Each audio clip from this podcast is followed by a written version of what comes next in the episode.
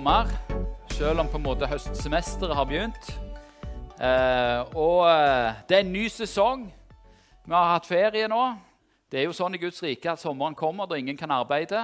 Arbeid mens det ennå er vår og høst.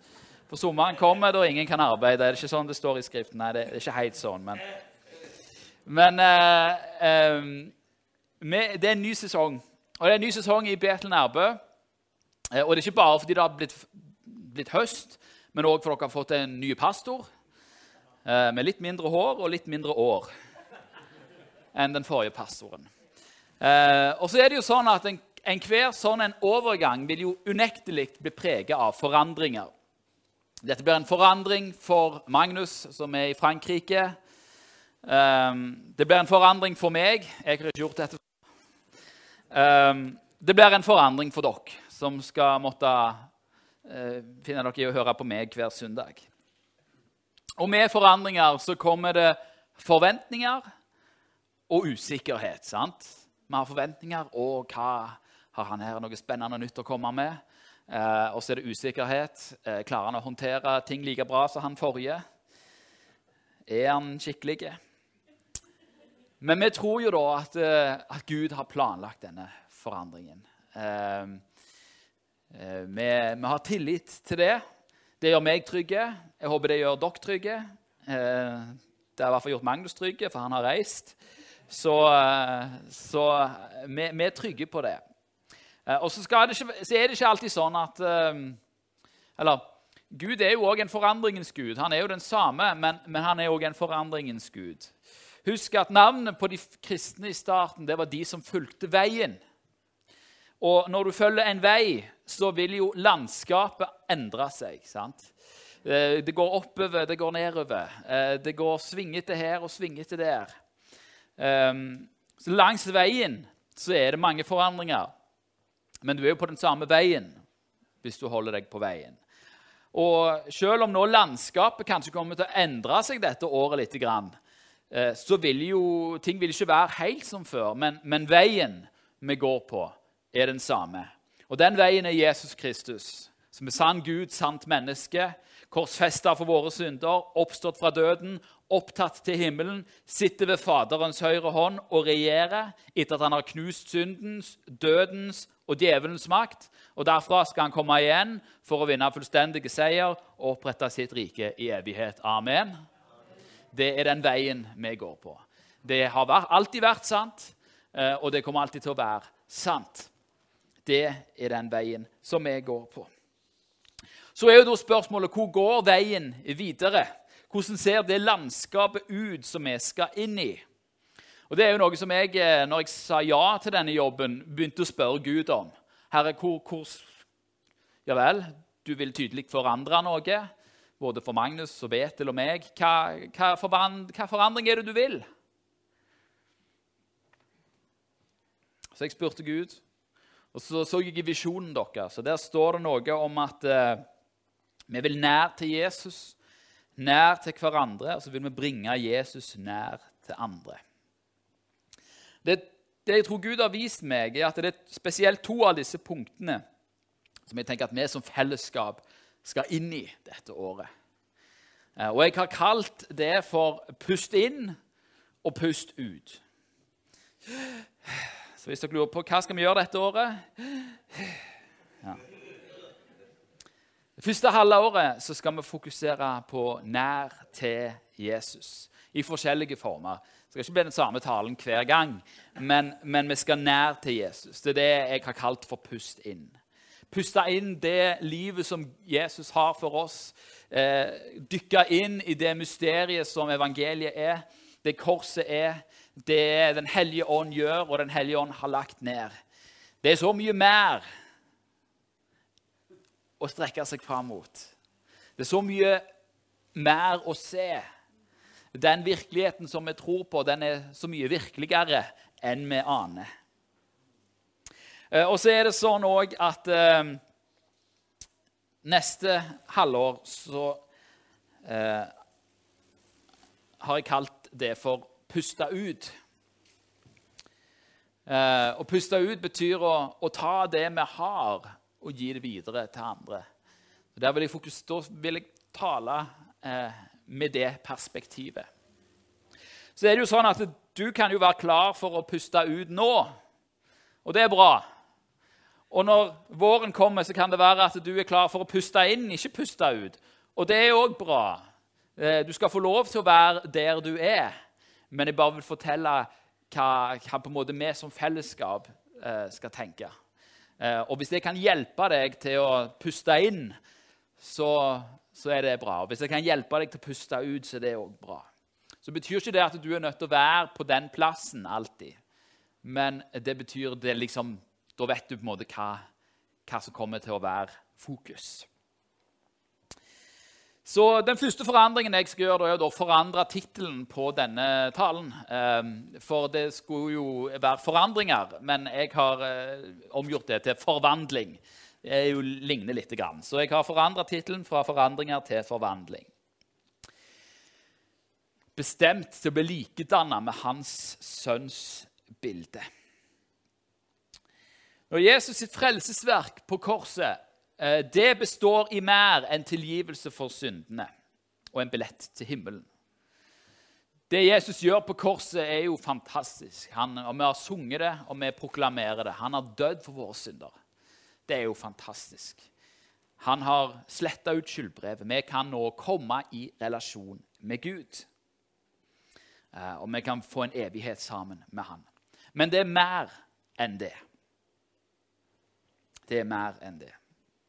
Når du tror på Jesus sitt frelsesverk, og du bekjenner at han er Herre, så flytter Gud sjøl inn. Gud sjøl flytter inn i ditt liv ved Den hellige ånd. Du blir født på ny, som vi sier. Vi kan ta neste slide. Uh, var det neste slide? Er du sikker på det? Ja, ok, men Da kan vi bare gå tilbake igjen. Vi er ikke helt, uh, ikke helt der ennå. Eh,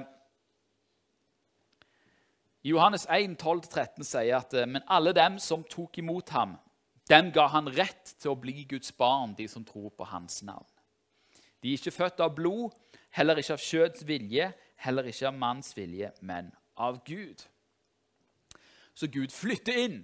Hvis du tror på Jesus, så har du Gud på innsida. Du har Jesus på innsida ved Den hellige ånd. De, tro, de tre kan ikke separeres. De er ett. Gud bor i deg. Hvorfor gjør han det? Hva er hensikten? Hvorfor har Gud flytta inn i deg? Hvorfor har du blitt en ny skapning? Jo, det er først og viktigst er det fordi han vil være i relasjon til deg. Gud er ikke i det synlige. Vi kan ikke se Gud sånn sett, men vi kan kjenne Guds stemme her inne ved Den hellige ånd. Han vil relasjon.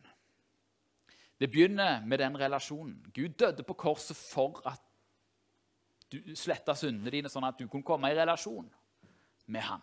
Det var det Gud ville. Og så er det da sånn at eh, i denne relasjonen så skjer det en forvandling med oss.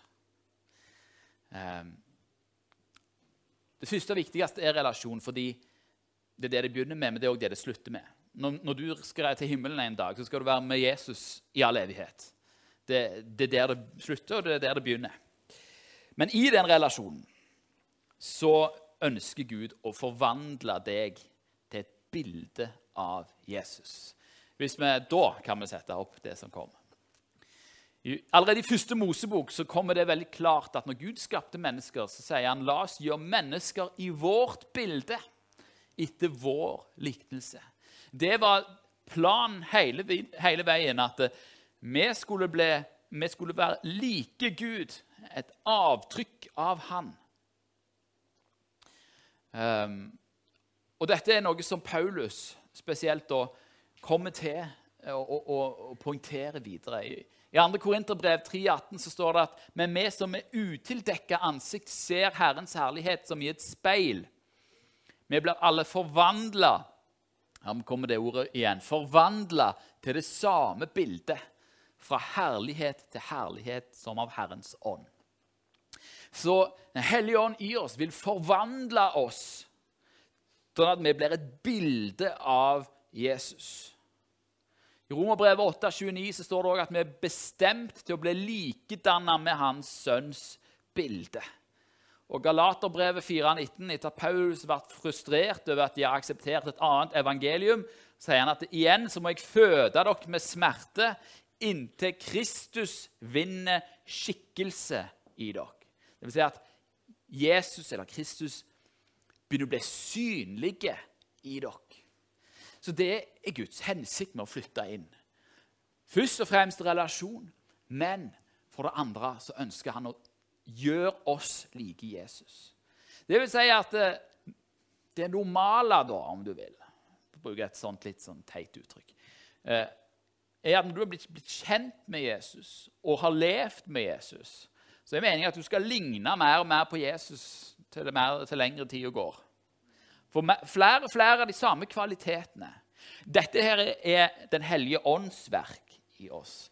Det er ikke vår prestasjon. og Det er noe som jeg kommer til å poengtere litt senere i denne talen. Hvordan dette skjer. Men hvordan skjer da denne forvandlingen? Da skal vi til Romerbrevet 12, 1-2.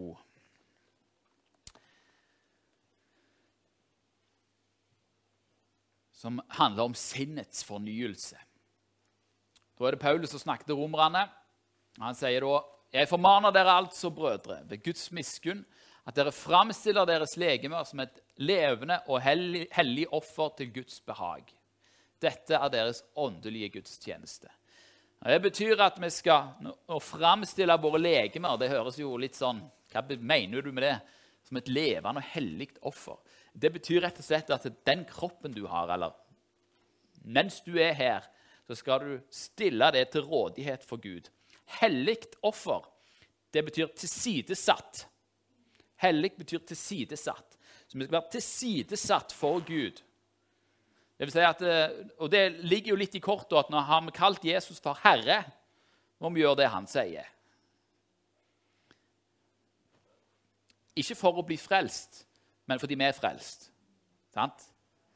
Fordi han, han bor i oss. Og Så står det da videre Og skikk dere ikke lik denne verden, men bli forvandla ved at deres sinn fornyes, sånn at dere kan dømme, dvs. Si bedømme, om hva som er Guds vilje. Det gode, det som han har behag i, det fullkomne. Nå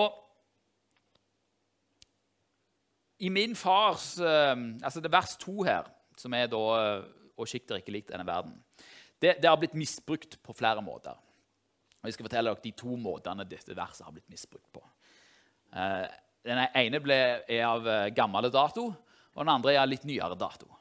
I, I, min fars yngre dager så husker han at dette ordet ble brukt. 'sjikt dere ikke lik denne verden', for å, og så stoppa man der. Skikk dere ikke lik denne verden. Det var et sånn mantra som gikk igjen. Uh, og det ble en, en, en, en, regel for å dytte på, oss, uh, dytte på de ytre bud og regler. At du må gå kledd sånn og ha håret sånn og ikke gjøre sånn og sånn. For skulle ikke, man skulle være annerledes enn verden. Så ble det ytre påbud. Men det er jo ikke det dette verset handler om. Det handler ikke om at du skal se rar ut fordi du hører Jesus til. Eller at du skal eh, gjøre sånn eller gjøre sånn. Eller. Det handler ikke om de ytre tingene. Det handler om sinnets fornyelse. Det er sånn forvandlingen skjer. Men hva betyr det at sinnet skal fornyes? Jo, vi skal jo handle. Når vi har fått Jesu på skal vi handle i tråd med hans vilje. Det er jo ikke bare lett, da. Sant? Det kommer vi òg tilbake til. Eh, for det er sånn at eh, når du blir frelst, så, så, er det ikke sånn at eh, alle tankene dine er i samsvar med Guds vilje. Alt du tror, er ikke nødvendigvis i samsvar med Guds vilje. Og skal du begynne å handle annerledes, så må du òg begynne å tenke annerledes og tro annerledes. Og Her må vi passe oss for den andre måten dette verset har blitt brukt på, som har litt nyere dato. For verden i dag er proppfull av forslag om at du må tenke annerledes. Det er bare til å gå på en eller annen sånn uh, motivational uh, speech-greie. Så sier du at tenk, tenk at du klarer det. Tenk positivt. Spesielt den der 'tenk positivt'. Det er noen som har hørt det? Spesielt positivt. Tenk positive tanker. Tenk glade tanker. Tenk happy tanker. Alt du gjør, så må du tenke positivt. Så du, har du en dårlig dag, eller sørger du et eller annet Bare tenk positivt. Himla stress, det der, å tenke positivt hele tida. Spesielt, spesielt hvis du ikke har det veldig bra. Og Så blir det en sånn prestasjonsgreie at jeg skal tenke positivt og ta på meg et smil når jeg ikke kjenner for å smile. Det å fornye sinnet betyr ikke at vi skal tenke positivt eller begynne å tenke positivt. Det er jo bra å tenke positivt. altså. Jeg har ikke noe imot det hvis du har en positiv dag. Det er supert. Mer positive dager. Det er godt å tenke positivt. Det er ikke det. Men denne tanken om, om positiv tenkning, det er i eh, det kan høres nøytralt og fint ut, men det har faktisk en sånn rot fra New Age. Eh, for New Age har en sånn en rot som sier at eh, hvis du sender positive tanker ut i verdensrommet eller ut i universet, så kommer det tilbake til deg. Så det, det er viktig å på en måte Alle tanker du sender ut, alle følelser du sender ut, det kommer på en måte tilbake til deg. Så hvis du sender ut masse negative tanker og frykttanker, så kommer det tilbake til deg. En forferdelig stressende måte å leve livet på. Og fundamentalt er det ikke sant. Det er ikke sant. Og der ligger det som er greia her. Paulus oppfordrer deg ikke til å tenke positive tanker når han snakker om sinnets fornyelse, men sanne tanker. Sanne tanker. Sånn at vi kan bedømme om hva som er Guds vilje. Herre, hva er din vilje? Hva er, hva er det gode? Hva er det som er godt? Hva er det du har behag i, Gud? Hva er det fullkomne? Og da kan vi ta neste. Dette, dette vises òg på en måte i, i, i på en måte sannhetens ord. Jesus sier i Johannes 8, 31-32 at dersom dere blir i mitt ord, da er dere i sannhet mine disipler. Og dere skal kjenne sannheten, og sannheten skal frigjøre dere. Sannheten frigjør oss. Sannheten om hva Jesus er, sannheten om hvem du er, sannheten om hvordan verden henger sammen, sannheten om hva som ligger der foran. Og Videre så sier han òg at får Sønnen frigjort dere, da blir dere virkelig fri. Og Paulus han, Til korinterne så skriver han at for våre våpen er ikke kjødelige, men de er mektige for Gud til å bryte ned festningsverk.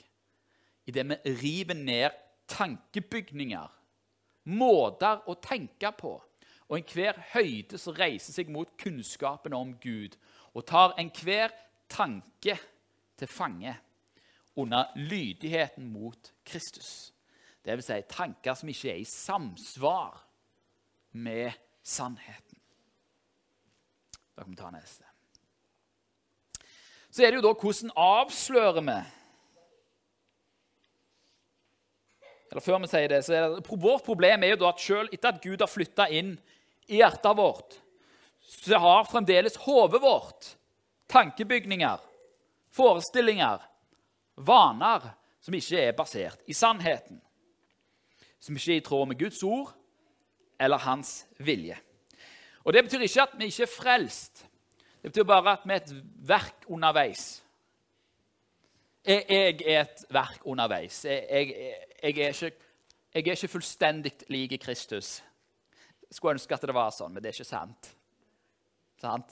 Jeg er et verk underveis. Men hvis du ser mitt liv nå framfor der det var når jeg var 20, så har det skjedd en forandring. Jeg har blitt forvandla på noen områder. Og hva er da, Hvordan avslører vi da usanne tankebaner?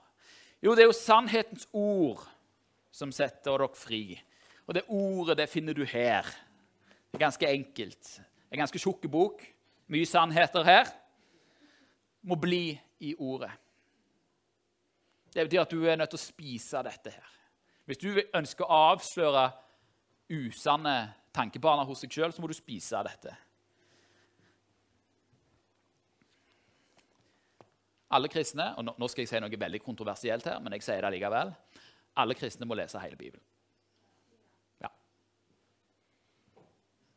Hvis du ikke kan lese, eller du har dysleksi, så hjelper det å komme her og høre. Og så er det faktisk sånn nå, nå lever vi i en sånn verden at du kan høre hele Bibelen. Så du har ikke en unnskyldning, du heller, lenger.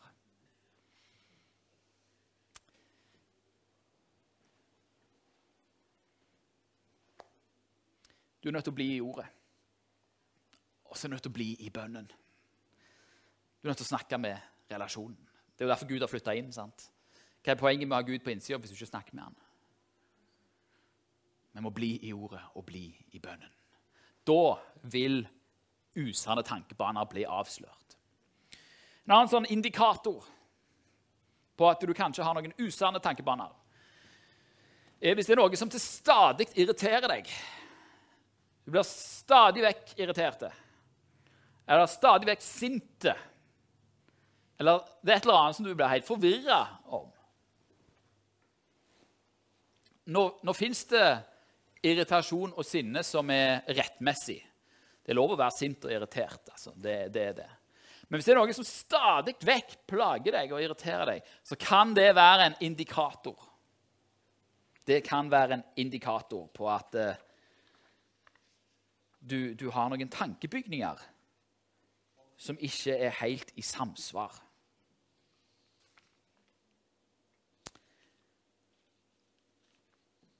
Og nummer tre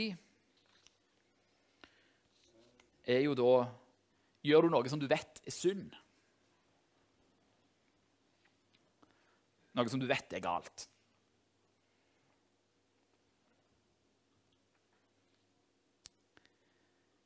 Hvis du spør Gud eh, eller ja, da, Det er òg en sånn indikator på at du, da er det noen usunne tankebaner.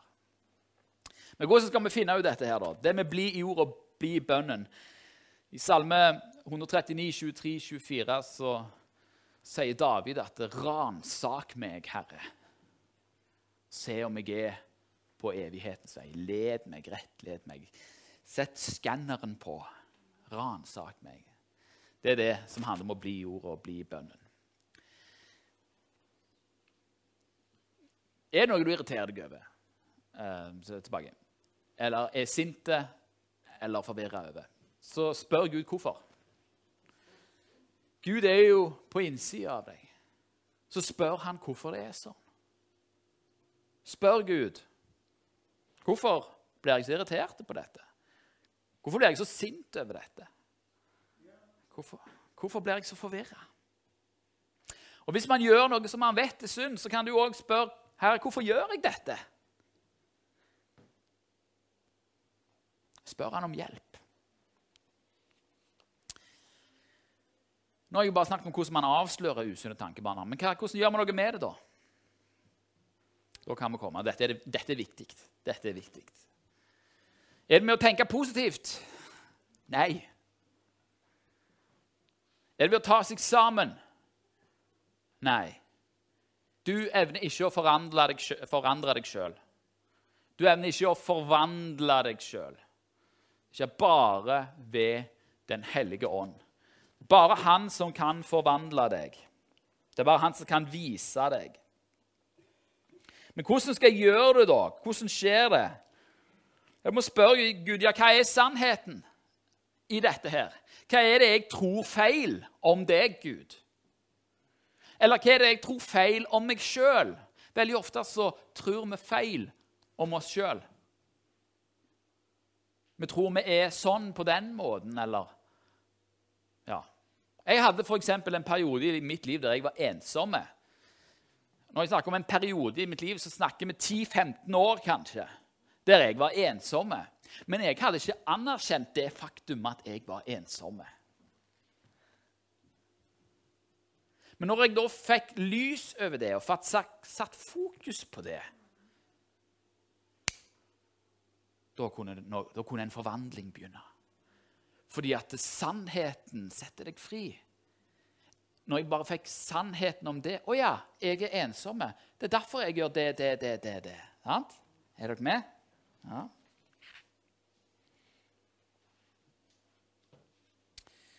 Hva tror jeg feil om denne saken? ja?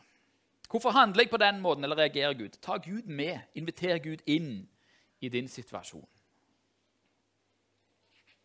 Se hvordan skjer forvandling. Jo, du ser i ordet. Du ser på korset. Du ser på Jesus. Du lytter til Ånden. Du lar Gud vise deg sannheten, og så gjør du det Den hellige ånd sier du skal gjøre. Og så er det ofte sånn at Den lengste avstanden det er mellom her og her mellom her og her. Ja, du vet. Du vet jo at dette er sant. Ja, men tror du at det er sant? Klarer du å stole på at dette er sant? Jeg, jeg kom til et sånt et øyeblikk eh, her i fjor, eh, tror jeg. Ja, ja i fjor vår. Eh, så har jeg jo alltid visst at ja, Gud tar jo vare på meg. Sant? Det vet jeg her. Vet det her, sant? Eh, at eh, Søk først Guds rike, så skal du få alt det andre i tillegg. Det har jeg lest mange ganger. Men så var det akkurat da at akkurat da var jeg i en litt økonomisk kinkig posisjon. Så spurte jeg Gud Eller da kjente jeg Og da, da kom irritasjonen. Da kom usikkerheten, da kom stresset, da kom alt dette her. sant? Hva skulle jeg gjøre med det? tok jeg meg en tur, og så snakker jeg med Gud. Du må invitere Jesus inn i situasjonen. Så sier Jesus til meg, 'Du, Thomas, stoler du på meg?' Stoler du på meg at jeg vil ta vare på deg? Måtte jo innrømme det, da. Ja, ja, jeg, jeg gjør jo det her, men jeg må innrømme at jeg, jeg gjør ikke det her akkurat nå. For nå kjenner jeg eh, angst for dette her. Økonomisk angst. Så kan jeg jo da tenke tenk positivt, tenk positivt, kom, det kommer til å gå bra. Himla stress. Jeg kan bare ta deg sammen, Thomas. Ta deg sammen. Eller så kan jeg velge Jeg velger å stole på deg, Jesus. Jeg velger å stole på deg i dette. Og så ordna det seg jo. Så ordna det seg på ganske sånn fint, mirakuløst vis. Men det kan vi ta en annen dag. Uh, en annen gang i høst. Det er én måte. Jeg, ta, jeg, har fått lov av kona til å si akkurat dette. her, så Et annet eksempel på hvordan dette skjer. Jeg står med oppvasken, og jeg irriterer meg noe grenseløst. Jeg syns jeg har tatt oppvasken langt flere ganger enn kona. Hvorfor kunne ikke hun tatt oppvasken?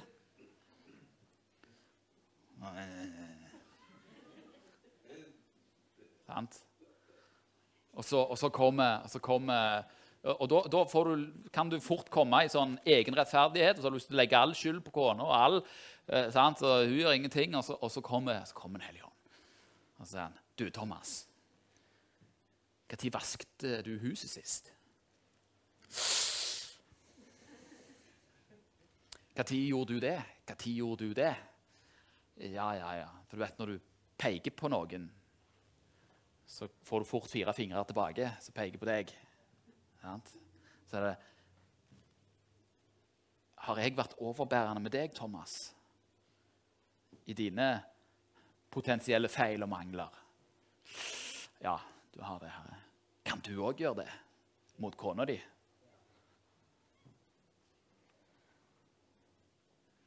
Det har hendt at jeg ikke har klart det. Så har jeg kjefta. Det er fryktelig dårlig stemning, skal jeg love deg. Jeg vet ikke om du har opplevd det. Når du kjefter på ektefellen din eller kjefter på sønnen din eller kjefter, altså, Det blir dårlig stemning av sånt.